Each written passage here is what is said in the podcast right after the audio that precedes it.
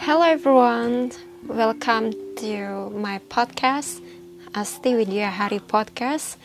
It's me, Asti, your property valuer and consultant in Indonesia.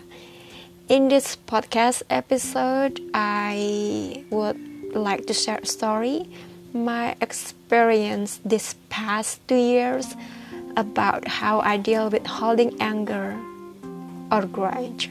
So stay tuned Let's begin. It was in 2019, around September 2019, I guess, that I experienced something that I that I experienced something at my office that I didn't like it, and it caused me how a negative emotion and energy. Maybe I could fake it outside, not to show it, but I was holding it inside me. But you know, our body can be light too. So my body began to react that I had to deal with several sickness. Once was I had chicken pox all over my body and face. That was the downfall. My boss, who acknowledged that I what I experienced, seemed to concern about me and said, I know it's hard, but please don't bring this to your family.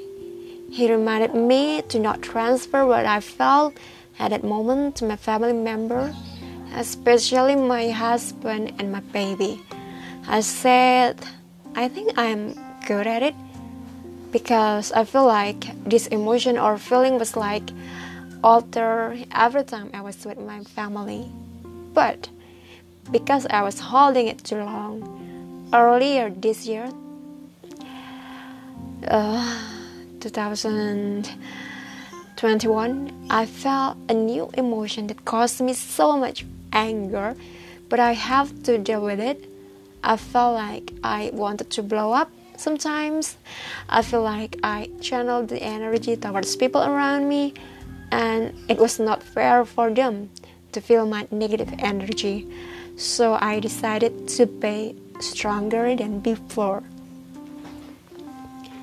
I always know the best way to deal with it is by doing meditation, workout, two of my favorite activities that I had done in the past, but I never did that, so I started again.